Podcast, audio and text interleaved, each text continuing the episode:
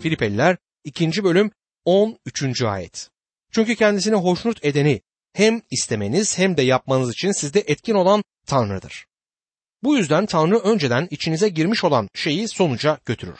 Eğer Tanrı sizi kurtardıysa sizi imanla kurtarmıştır. Sizden gelen hiçbir şey yoktur. Tanrı kurtuluş için hiçbir türde iyi işi kabul etmez. Ama kurtulduktan sonra Tanrı sizinle işleriniz hakkında konuşacaktır.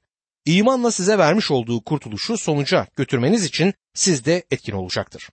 Calvin bunu şu şekilde dile getirmiştir. Sadece iman kurtarır ama kurtaran iman hiçbir zaman tek başına değildir. Yakup bunu Yakup 2. bölüm 17 ve 18. ayetlerde şöyle dile getirir. Bunun gibi tek başına eylemsiz imanda ölüdür.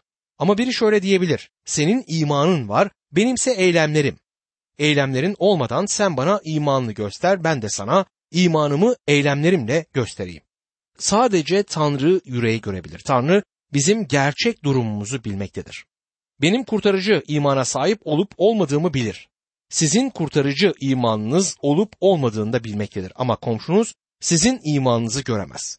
Görebileceği tek şey iman işlerinizdir. Gerçek iman etrafınızdaki insanlar bizim farklı olduğumuzu, Mesih inanlısı olduğumuzu anlayabilsinler diye etkin olacaktır. Bizlerin inanlı olduğumuzu bildirmemiz için elimizde bir levha ya da bir tür simge taşımamız gerekmez. Elçi Paulus Filipili inanların yaşamlarında kendini gösterecek olan imandan söz edecektir. Filipeliler 2. bölüm 14. ayette her şeyi söylenmeden ve çekişmeden yapın ki diye söze girer. Eğer bunu yaptığınız için söylenecekseniz inanlılar topluluğunda bir görev ya da pazar okulu öğretmenliği yapmayı kabul etmeyin diyor. Bu inanlılar topluluğunda başka pek çok şeyden daha çok zarar verecektir. Yapılan her iş mırıldanmadan, söylenmeden ve çekişmeden yapılmalıdır. Filipeliler 2. bölüm 15. ayette yaşam sözüne sımsıkı sarılarak aralarında evrendeki yıldızlar gibi parladığınız bu eğri ve sapık kuşağın ortasında kusursuz ve saf, Tanrı'nın lekesiz çocukları olasınız der. Bir ışık gibi olun diyor. Geceleyin dışarıya çıktığımızda gökteki yıldızları görüyoruz. Tanrı bu karanlık dünyaya baktığında kendisine ait olanları buradaki aşağıdaki küçük ışıklar olarak görür. Çocuklar benim küçük ışığım adlı bir şarkı söylerler. Evet dostum. Durum aynen böyledir. Paulus aralarında evrendeki yıldızlar gibi parladığınız diyor. Gökteki yıldızlar nasılsa bizler de bu dünyada öyleyiz. Filipeliler 2. bölüm 16. ayette öyle ki boşuna koşmadığımı, boşuna emek vermediğimi görerek Mesih'in gününde övünecek bir nedenim olsun der. Yaşam ve ışık bağlantılıdır. Yaşam sözüne sımsıkı sarıldığımızda dünyadaki ışıklarızdır. Ve Paulus Filipili inanların imanlarını iyi işlerle gösterdiklerini işittiğinde seviniyor. Bu inanların Paulus'un kalbinde özel bir yeri vardır. Çünkü bunlar kendisinin Rabbe yönelttiği kişilerdir. Filipeliler 2. bölüm 17. ayette kanım imanınızın sunusu ve hizmeti üzerine adak şarabı gibi dökülecek olsa da seviniyor, hepinizin sevincine katılıyorum der. Bu Tanrı sözünün bütünündeki en harika ayetlerden birisidir. İman yaşamının gerçekte nasıl olduğunu göstermektedir. Eski antlaşmadaki en eski sunulardan birinden burada söz edilir. Bu yaratılış 35. bölüm 14. ayetteki sunudur. Yakup Tanrı'nın kendisiyle konuştuğu yere taş bir anıt dikti. Üzerine dökmelik sunu ve zeytinyağı döktü der bu ayette. Yakup'un Beytel'de bir anıt dikip üzerine dökmelik sunu ve zeytinyağı döktüğünü görüyoruz. Sonra Levililer ve Sayılar kitaplarında bu sunular tanımlanmışlardır. Yakılmalık sunuya ve yiyecek sunusuna eklenmesi gereken bir dökmelik sunu olduğunu öğreniyoruz. Bu hiçbir zaman günah sunusuna ya da suç sunusuna eklenmemeliydi. Kurtuluşla hiçbir ilgisi olmadığından çok sıra dışı bir olaydı. Mesih'in kişiliğiyle hiçbir ilgisi yoktu. Bir şarap tulumu getirip ateşte yanmakta olan kurbanın üzerine dökerlerdi. Bu sunuya sonra ne olurdu? Buharlaşıp yok olurdu. Paulus yaşamımın Mesih'in sunusu üzerinde bir dökmelik sunu gibi akıtılmasını istiyorum der. Elçi Paulus Rab İsa Mesih'in en üstün kurbanı sunduğunu biliyordu. Yaşamının dökmelik bir sunu olmasını, buharlaşmak üzere dökülmesini bu yüzden ister. Geriye görünen olarak sadece İsa Mesih'in kalması için böylesine tükenmek ve unutulmak istemektedir. Mesih'in bütün onur ve yüceliği almasını istiyordu. Paulus'un düşüncesi buydu. İman yaşamı için daha yüksek bir dilek düşünemiyorum. Filipeliler 2. bölüm 18. ayette aynı şekilde siz de sevinin ve benim sevincime katılın der. Yani eğer yaşamınız müjdeyi iyi bir şey olarak gösteriyorsa benim yaşamım bir dökmelik sunu gibi dökülmüştür. Bundan ötürü birlikte sevineceğiz demektedir. Bu alçak gönüllülükte bir yürüyüştür. Sadece Mesih'in düşüncesine sahip birisi böylesine bir dökmelik sunu olarak dökülebilirdi. Bu çok görkemli ve harikadır. Elçi Paulus sözlerini sevinç ve sevinme sözleriyle bitirir.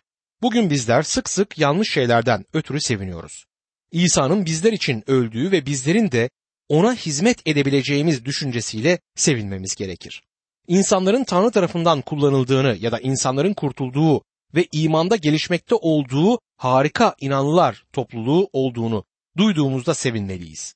Eğer alçak gönüllülük içinde yürüyorsak başkalarının başarılarından ötürü sevineceğiz. Çok fazla çekişme ve gururumuz olduğu kesin. Bu durum Elçi Paulus'un zamanında Mesih'in davasına zarar veriyordu ve hala da vermektedir. İnanlıda Mesih'in düşüncesinin olması sevinç getirecektir ve Tanrı'yı yüceltecektir. Şimdi okuyacağımız ayetlerde Timoteos'un düşüncesinin de Paulus'un düşüncesiyle aynı olduğunu görüyoruz. Filipeliler 2. bölüm 19. ayette durumunuzu öğrenmek, böylece içimi rahatlatmak üzere yakında Timoteos'u yanınıza göndereceğime ilişkin Rab İsa'da umudum var der. Timoteos Paulus'un ruhsal oğluydu. Paulus ona büyük güven duymaktaydı. Filipili inanların durumuyla ilgilenmesi için Timoteos'a güvenebiliyordu.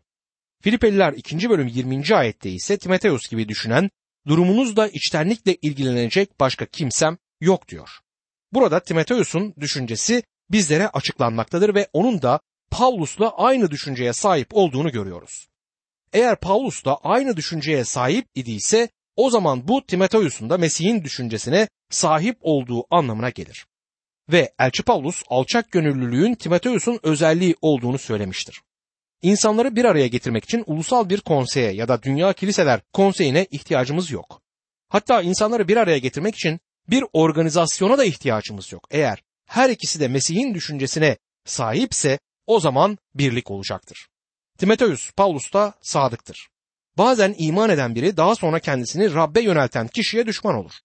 Bu tıpkı bir çocuğun anne ya da babasına düşman olması gibidir. Aynı şey Paulus'un da başına geldi ama Timoteus ona sadıktı. Paulus ona güvenebildiği için onu Filipili imanlara gönderiyordu. İnsanların birlikte çalışabilmeleri için Mesih ile aynı düşüncede olmaları harikadır. Filipeliler 2. bölüm 21. ayette herkes kendi işini düşünüyor. Mesih İsa'nınkini değil diyor. Kendi yüceliklerini düşünen çok sayıda insan var. Kendilerine bir isim edinmek isterler. Kendi yüceliklerinin peşinde olduklarından Paulus'u küçültmeye razıydılar. Bugün Tanrı sözünü bildiren diğer kişilere karşı saygınız nasıl? Ben bir Tanrı adamının eleştirildiğini duyduğumda bir yerlerde çatışma ve kıskançlık olduğunu görebiliyorum. Mesih'in düşüncesi Mesih'i savunan başka birini eleştirmenize izin vermez. Paulus bu diğer adamlara güvenemiyorum diyor. Filipeliler 2. bölüm 22. ayette ama Timoteus'un değerini kanıtlamış biri olduğunu, babasının yanında hizmet eden çocuk gibi müjdenin yayılması için benim yanımda hizmet ettiğini bilirsiniz diyor. Günümüzde insanlar birliktelikten çok söz ederler. Mesih'in düşüncesine sahip iki kişinin birlikteliğinden daha büyük bir birliktelik olamaz. Birbirinizden kilometrelerce uzak olsanız bile birliktesinizdir. Mesih'in düşüncesine sahip olan inanlar arasında böylesine bir bağlantı olmasının nedeni budur. Bir inanlı erkek ile inanlı kız birbirlerine aşık olduklarında sadece cinsel amaçlı bir evlilikte sahip olabileceklerinden çok daha büyük bir birlikteliğe sahip olacaklarını söyleyebilirim.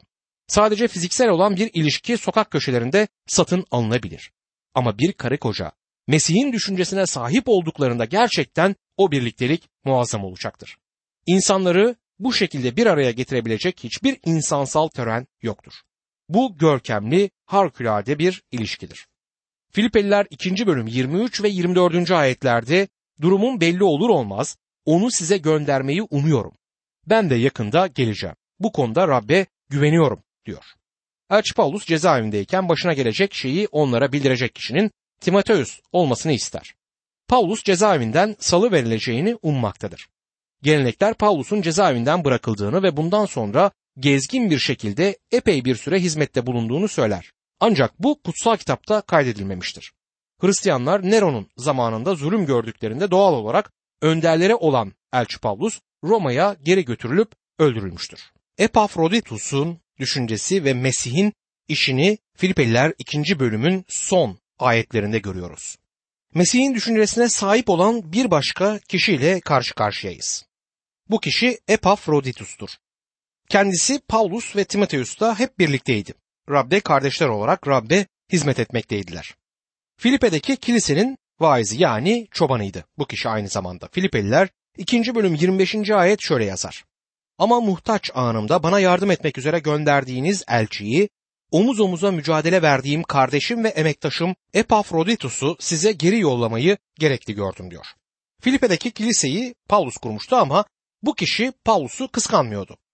Kilisenin çobanı olan Epafroditos Paulus'u kıskanmıyordu. Paulus Epafroditos'u seviyordu çünkü bu kişi Mesih'in düşüncesine sahipti ve Elçi Paulus ona güvenebiliyordu. Ondan omuz omuza mücadele verdiğim kardeşim ve emektaşım diye bahsediyor.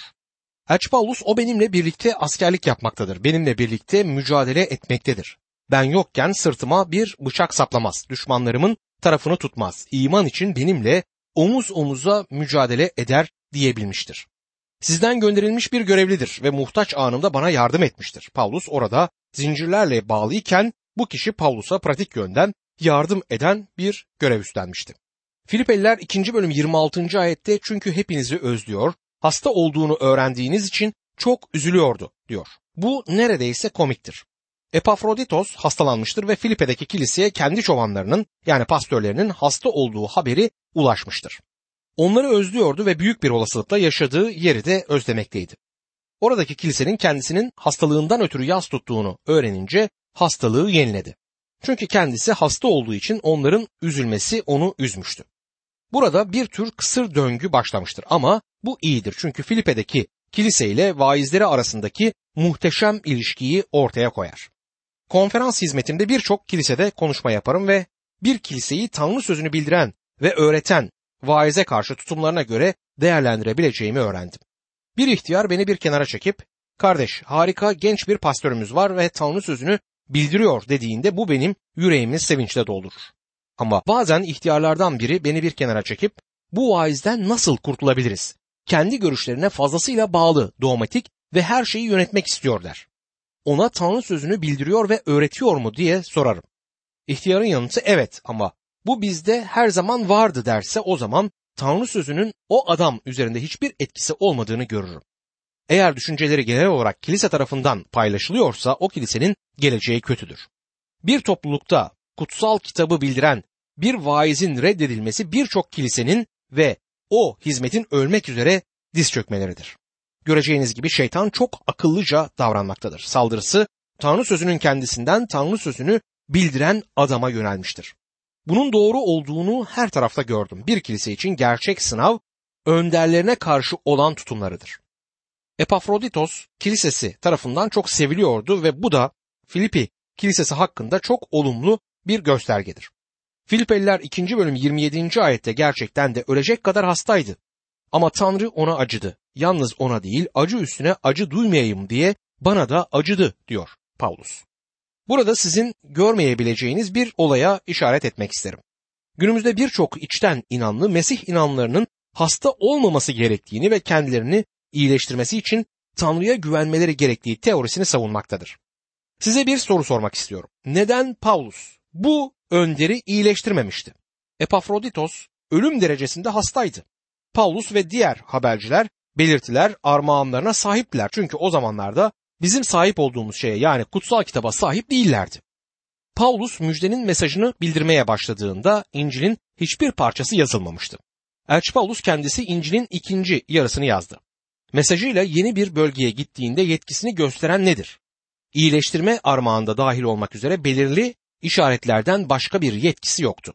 Ama şimdi Paulus hizmetinin sonuna yaklaşmaktadır. Elçi Paulus'un bedeninde bir dikenin olduğunu ve Rabbin Paulus'u bu hastalığından kurtarmadığını hatırlayacaksınız.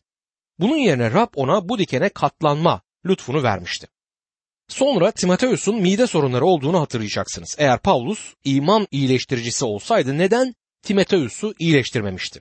Hatta ona midesi için biraz şarap içmesini söylemiştir. Ve 2. Timoteus 4. bölüm 20. ayette Trofimus'u da Milet'te hasta bıraktığını söyler. Neden onu iyileştirmemiştir? Ve şimdi burada Paulus yanında genç vaiz Epafroditos'un bulunduğunu ve onun çok hasta olduğunu hatta neredeyse ölüm derecesinde hastalığa sahip olduğunu söyler. Onu iyileştirmemiştir. Bunun yerine bütün yüceliği Tanrı'ya vermektedir. Tanrı'nın ona merhamet ettiğini söyler.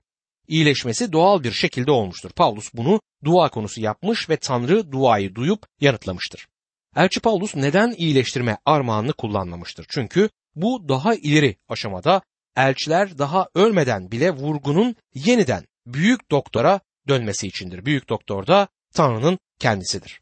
Bu mektubun Mesih'in düşüncesini, alçak gönüllü bir kafa yapısını ortaya koyduğunu görüyoruz.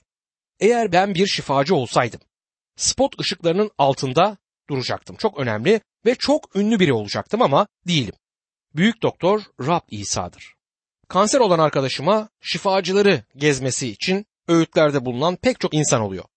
Çok iyi bir kanser uzmanı ve büyük doktor dışında hiçbirine gitmedim diyor bu arkadaşım. Tabii en iyi doktora, uzmanlara gittim diyor. Ve onunla bir randevum vardı ve ona yaşamak istediğimi söyledim. Davamı, durumumu ona teslim ettim ve benim iyileşmemden ötürü yüceliği alan ya da alacak olan odur. Öyleyse burada Elçi Paulus'u hizmetinin son demlerinde görüyoruz ve iyileştirme konusunu hiçbir şekilde vurgulamıyor. Yanında hasta bir vaiz var ama sahip olduğu iyileştirme armağanını kullanmamaktadır. Neden? Çünkü Elçi Paulus vurguyu olması gereken yere Rab İsa Mesih'in kişiliğine döndürmektedir. Şimdi Paulus bu genç vaizi onlara geri yollar. Filipeliler 2. bölüm 28. ayette işte bu nedenle onu tekrar görüp sevinesiniz diye kendisini daha büyük bir istekle yanınıza gönderiyorum. Böylelikle benim de kaygılarım hafifleyecek diyor. Paulus onların üzülmelerini değil sevilmelerini ister. Böylelikle benim de kaygılarım hafifleyecek diyor. Elçi Paulus Filipe'deki kilise konusunda kaygılanmaktaydı çünkü sevinmek yerine yas tutmaktaydılar. Filipeliler 2. bölüm 29. ayette onu Rab'be tam bir sevinçle kabul edin. Onun gibi kişileri onurlandırın diyor. Elçi Paulus Filipili bu vaize karşı çok nazik ve lütufkardır. Epafroditos gibi bir adama saygı duyulması ve sevilmesi gerekir diye bu konunun altını çizer. Ve dostlarım bizlerin de Tanrı sözünü öğreten kişiye saygı göstermemiz gerekmektedir.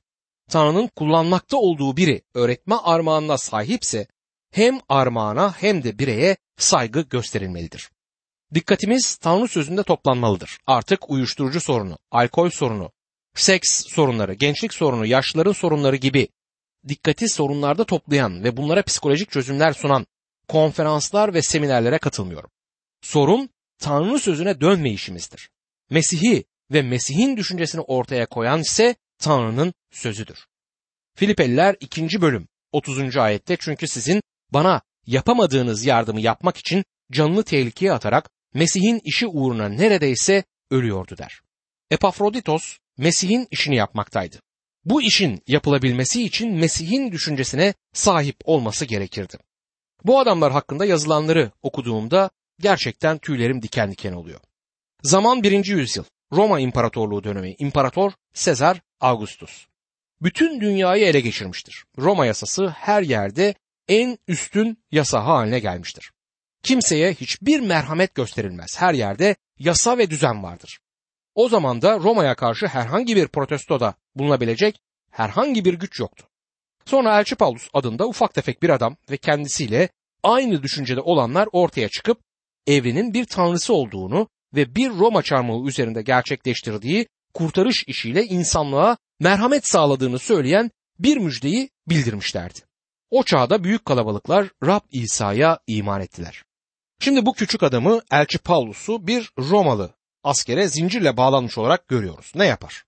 Mesih için tanıklık eder ve Rab'de sevinir. Mesih'in düşüncesine sahiptir. Ayrıca o putperest kentte yaşayan harika bir genç olan Timoteus'u görüyoruz. Tanrı'dan uzak bir toplumda Tanrı için yaşayamayacağınızı söylüyorsanız Timoteus'a bakın. Bunu epey iyi bir şekilde başarmıştır. Mesih'in düşüncesine sahipti ve orada Filipi kentindeki sadık önder Epafroditos'a bakmanızı öneririm. Filipi bir Roma kolonisiydi ama putperest bir kentti. Bu genç faiz Mesih'in düşüncesine sahip bir kişiydi. Sonra kendime bakıyorum ve kendime yaşadığın çağdan ötürü bahaneler aramayı bırak diyorum. Eğer bu adamlar birinci yüzyılda Mesih'in düşüncesine sahip olabiliyorlarsa bugün 21. yüzyılda yaşadığımız yerde bizler de Mesih'in düşüncesine sahip olabiliriz. Onu taklit ederek değil, hayır. Ona kendimizi teslim ettiğimizde Tanrı'nın ruhu kendi yaşamlarımızda Mesih'in düşüncesini oluşturacaktır ve buna günümüzde çok ihtiyaç var. Filipeliler 3. bölümde Hristiyan yaşamı için vaat edilen ödülü görüyoruz. Mesih inancı yaşamının felsefesini görmüştük. Çünkü benim için yaşamak Mesih, ölmek kazançtır. İman yaşamının kalıbını bu ayet bize aktarmaktadır. Mesih İsa'da olan düşünce sizde de olsun. Şimdi Elçi Paulus'un kişisel tanıklığında özetlenmiş olan yaşamının ödülüne geliyoruz. Diyor ki ama Mesih'in beni kazanmakla benim için öngördüğü ödülü kazanmak için koşuyorum. Bu bölümde Elçi Paulus'un geçmişle ilgili muhasebe sistemini değiştirdiğini görüyoruz. Şimdiyle ilgili amacını da değiştirmiştir ve gelecekle ilgili umudunu da değiştirdiğini göreceğiz. Elçi Paulus Tanrı'nın yeryüzünde bir krallık kuracağına inanmaktaydı. Bu konudaki görüşlerini hiçbir zaman değiştirmemiştir ama hem Yahudi ve hem de Yahudi olmayan Hristiyanlar için Mesih'in kendisine ait olanları dünyadan alacağı gün hakkında muhteşem bir umut olduğunu ifade etmiştir. Elçi Paulus geçmişle ilgili muhasebe sistemini nasıl değiştirmiştir? Filipeliler 3. bölüm 1. ayette diyor ki, Sonuç olarak kardeşlerim Rab'de sevinin. Size aynı şeyleri yazmak bana usanç vermez. Hem bu sizin için bir güvencedir. Özetle kardeşlerim sözü bizlere Elçi Paulus'un mektubunun sonuna geldiği izlenimini vermektedir. Bunu Filipili inanlara yollayacağı kısa bir teşekkür mektubu olarak tasarlamış olmalıydı ama mektubun tam ortasında bulunuyoruz. Belli oluyor ki Tanrı'nın ruhu onu devam etmek konusunda teşvik etmiştir. Eşim bir süre önce bir konferansta son olarak şunları da söylemek istiyorum. Sonra sözlerimi bitireceğim dediğimi sonra da 15 dakika daha konuştuğumu hatırlattı. Sözlerin bitmemişti dedi. Bunun üzerine ona kutsal kitaba uyduğumu, Elçi Paulus'un yaptığı şeyin aynısını yapmakta olduğumu söyledim. Elçi Paulus'un son mesajı Rab'de sevinin olacaktır. Sanıyorum bugün yaşasaydı Paulus'un son mesajı yine aynı mesaj olacaktı. Elçi Paulus, Timoteus ve Epafroditos olmak üzere üç adamın Mesih'in düşüncesine sahip olduklarını göstermiştir. Bu kişiler hastalık ve hapiste bile sevinebilmişlerdi. İlk inanlar topluluğu zulüm ateşi ortasında bile sevinmekteydi. Ayrıca Elçi Paulus bu mektubu yazmasının kendisi için hiç de bir yük olmadığını söyler. Galatyalılar ve Korintlere yazdığı zaman olduğu gibi yüreğinde bir yük bulunmaz. Filipeliler onun için büyük bir sevinç kaynağı olmuşlardı. Şimdi onların da sevinmelerini ister. Bunun aslında bir buyruk olduğuna dikkat edin. Rab'de sevinin diyor. Size aynı şeyleri yazmak bana usanç vermez. Hem bu sizin için bir güvencedir. Filipelilere yazmasında bir sakınca yoktu. Filipe'deki inanlılar ruhsal bakımdan olgundular. Paulus'u seviyorlardı ve Paulus da onları sevmekteydi. Kendini onlara yakın hissediyordu. Bu yüzden onlara yazmanın kendisine usanç vermediğini söyler. Onlara yazmasında bir sakınca görmez. Çünkü anlayacaklarından emindir.